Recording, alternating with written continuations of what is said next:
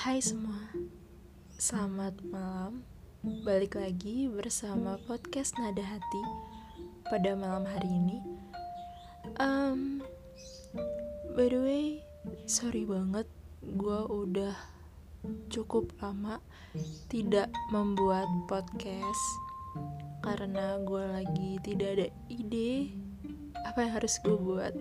Salah sih gue harusnya ide itu selalu muncul setiap hari tapi nggak tahu kenapa kayaknya ide gue lagi mampet aja. Dan kali ini gue ngerekamnya nggak malam-malam nggak kayak biasanya. Biasanya tuh gue ngerekam podcast itu malam hari. Supaya suasananya tenang sunyi senyap. Tapi sekarang gue ngerekam jam 13 lewat 49 menit waktu Indonesia bagian Barat. Nah, kali ini gue gak mau membahas tentang percintaan dulu, gak mau membahas tentang patah hati, tapi gue lebih mau membahas tentang struggle yang lagi gue alami sekarang, yaitu tentang UTBK dan SBM PTN by the way gue nggak uh, nulis skripnya sama sekali gue tidak mempunyai contekan. Jadi ya mohon maaf kalau obrolannya muter-muter. Tapi gue harap kalian lah ya inti dari podcast gue malam ini tuh apa gitu. Dan ya gue hanya mau berkeluh kesah aja pada malam hari ini. Ya gue nyebut malam hari ini karena podcast ini akan gue publish malam-malam dan pasti kalian akan mendengarkannya malam hari juga. Oke jadi daripada nunggu lama daripada openingnya kelamaan mending gue langsung aja. Buat lo semua yang lagi di tempat tidur atau yang sedang bersantai di ruang tamu selamat mendengarkan. Oke okay, um, gue bingung harus mau mulai dari mana tapi buat yang nggak tahu aja mungkin ada yang nggak tahu apa sih UTBK itu UTBK itu adalah ujian tes berbasis komputer untuk masuk ke perguruan tinggi negeri, ke university negeri di Indonesia. Nah, um, gue rasa podcast kali ini tuh bakal pendek banget sih, karena ini gue iseng aja buatnya. Dan ya ya udah gitu, gitu kan. sorry sorry, kalau rada freak. Ya udah maaf ya.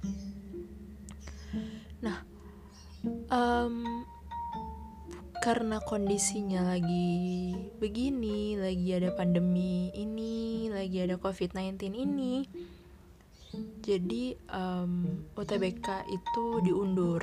Yang tadinya itu harusnya 20 April. Jadi sekarang dimulainya tanggal 2 Juli. 2 Juli ya? 2 Juli apa? 5 Juli. Gue lupa guys. Maaf ya. Tapi yang pasti tanggal segitu sampai tanggal 12 Juli awalnya. Dan kebetulan gue mendaftar uh, di salah satu universitas negeri yang ada di Indonesia di mana tepatnya gue nggak mau kasih tahu karena gue takut kalau gue ngomong-ngomong gitu nanti nggak keterima. Intinya doain aja ya semoga sukses UTBK-nya gitu. Terus um, gue dapet tesnya itu di tanggal 10 Juli itu hari Jumat dan di pagi hari karena hari Jumat itu cuma ada satu sesi doang. Nah yang gue struggling dari UTBK dan SBM ini adalah peraturannya tuh berubah-ubah. Ya karena satu kondisi pandemi kayak gini sih. Um, sorry guys kalau kalian nanti mendengar ada suara-suara bising motor ya karena di daerah rumah gue ini cukup ramai. Motor lalu lalang. Jadi mohon maaf gitu. Ya ada suara burung. Ya udah. Dan yang lagi gue strugglein itu adalah peraturannya berubah-ubah. Um, yang pertama yang diubah adalah soal. Soalnya bukan lagi TPS dan TKA bukan lagi tentang te uh, tes potensi skolastik dan um, tes kemampuan akademik tapi diganti hanya menjadi TPS saja gitu. Menurut gua bagi gua cukup meringankan. Tapi uh, yang beratnya adalah di penalaran umum sama di tes kuantitatif kuantitatif. Nggak tahu ya gue emang otaknya gak begitu sampai untuk ke tes potensi skolastik yang bagian kuantitatif.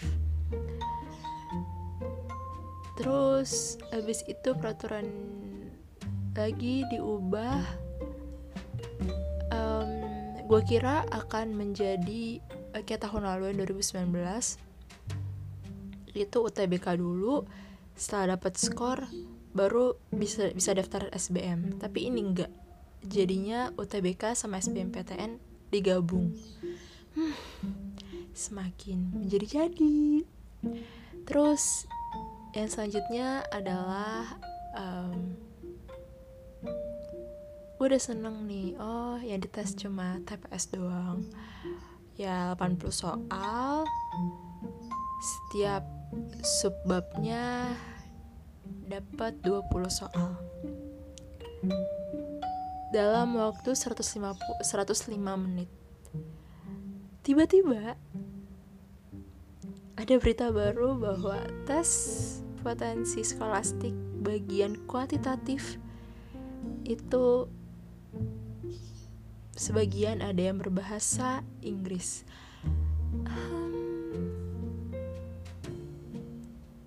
gue gue rada struggle di bahasa Inggrisnya sih ya gue bisa bukan bisa sih. Maksudnya gue cukup bisa bahasa Inggris tapi nggak ditaruh di bagian MTK-nya gitu loh. Karena MTK dengan bahasa Indonesia aja gue masih benar dari 20 soal yang gue kerjain itu itu masih bener 5 sedih banget lu bayangin kayak gue masih bener 5 gitu. Terus habis itu um, sekarang ditambah dengan menggunakan bahasa Inggris. Nggak sekalian aja pakai bahasa Mandarin. Nggak ada yang bohongin. Gitu. Dan ya ya udahlah ya. ya. Gue terima sih. Ya it's okay gitu ya udahlah ya. Ya tapi mungkin be bagi beberapa orang yang tidak terlalu mahir berbahasa Inggris mungkin bagi mereka akan sedikit menjadi problem yang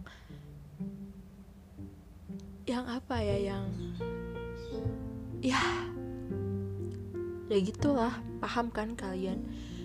So, asli podcast kali ini nggak penting sih kayak cuma gue mau keluh kesah doang gitu. Terus habis itu tiba-tiba gue dapet nih hari ini peraturan baru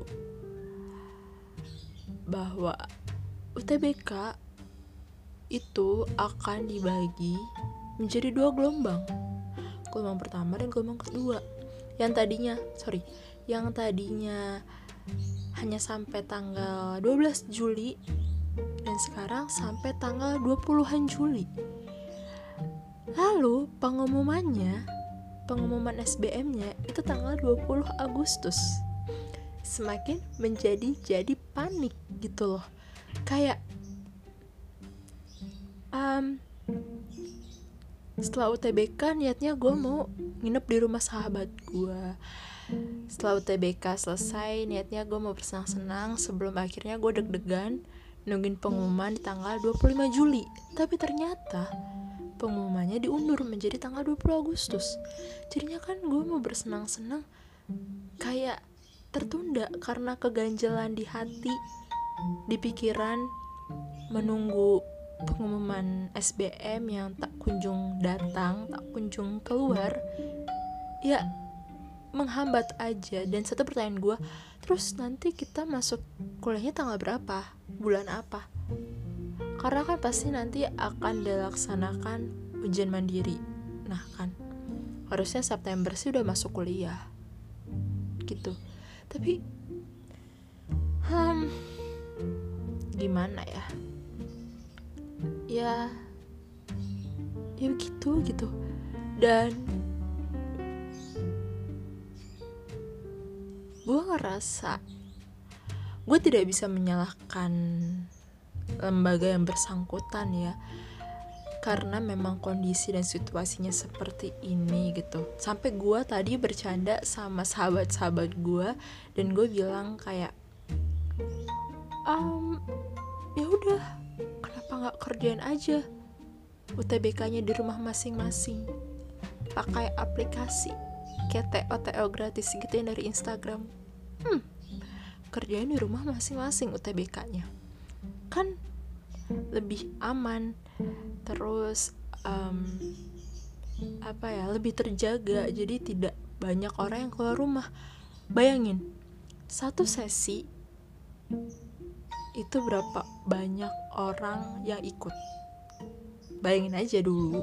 Ya mungkin paling berapa puluhan orang gitu ya nah mungkin aja salah satu dari contohnya 50 orang satu sesi di satu tempat itu salah satu ada yang amit-amit terkena COVID-19 tapi nggak ketahuan karena suhu badannya normal karena dia habis minum obat penurun panas. Itu pemikiran gue doang sih. Gue tuh terkenal di antara teman-teman gue, gue adalah orang yang punya pemikiran itu ke mana-mana. Yang udah jauh banget ke depan, jadi kayak gak masuk akal kadang-kadang gitu. Bayangin aja, gak ketahuan. Terus iya duduknya sih jauh-jauhan gitu ya dibatasi tapi kan who knows gitu who knows dan apalagi sekarang semakin banyak yang terkena COVID-19 dengan dibukanya CFD aduh itu hmm, dibukanya CFD dan gue ngeliat videonya tuh bergerombol. Oh my god. Gitu. Gue gue emang gue gue emang main sih gitu. Selama new normal ini gue main. Selama yang disuruh di rumah aja tuh beberapa kali gue keluar. Tapi gue cuma ke rumah teman gue dan pas minggu kemarin itu gue cuma nongkrong dua kali dan itu di cafe yang sepi pengunjung. Karena gue takut kalau yang rame pengunjung gue takut terkena gitu. Dan sekarang CFD dibuka. Aduh dan kayak men gitu. Oh. Dan ya bayangin aja kayak gitu yang tadi gue bilang ada salah satu yang kena covid nggak ketahuan karena dia minum obat penurun demam. Gue bakal freak banget sih di podcast kali ini. Gue minta maaf ya teman-teman. Gitu. Dan ya ya udah gitu. Aduh gue tuh bingung. Gue tuh sebenarnya tidak pada berkeluh kesah tapi ya itu yang lagi gue pikirkan gitu kenapa? Ya seharusnya kan dari awal memang dipikirkan baik-baik peraturannya.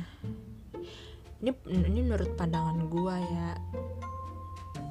Kalau pandangan kalian berbeda it's okay gitu. Tapi ini menurut pandangan gue apa yang gue bicarakan ini ya ini menurut pemikiran gue aja karena pemikiran gue tuh emang kadang-kadang suka aneh sendiri gitu.